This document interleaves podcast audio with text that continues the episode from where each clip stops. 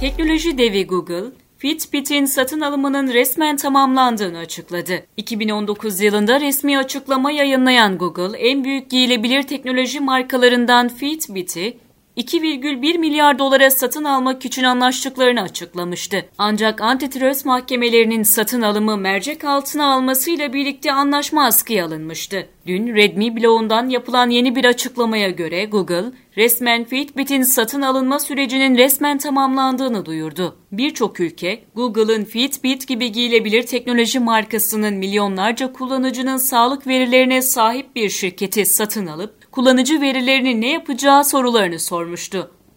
Son olarak Avrupa Birliği'nin kullanıcıları rahatlatacak şekilde şartlar dahilinde satış işlemlerine onay vermesiyle Fitbit resmen Google'a ait oldu.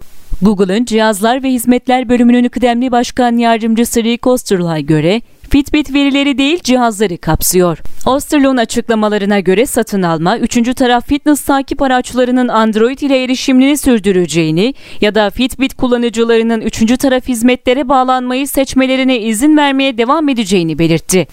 Ayrıca Osterloh bu taahhütleri yerine getirdiğimizden emin olabilmeleri için dünyanın dört bir yanındaki düzenleyicilerle birlikte çalışmaya devam edeceklerini ifade etti. Avrupa Birliği söz konusu satın alımı onaylarken Google'ın reklam hedefleme için Avrupa'daki Fitbit kullanıcılarının GPS ve sağlık verilerini kullanmamasını şart olarak açıkladı.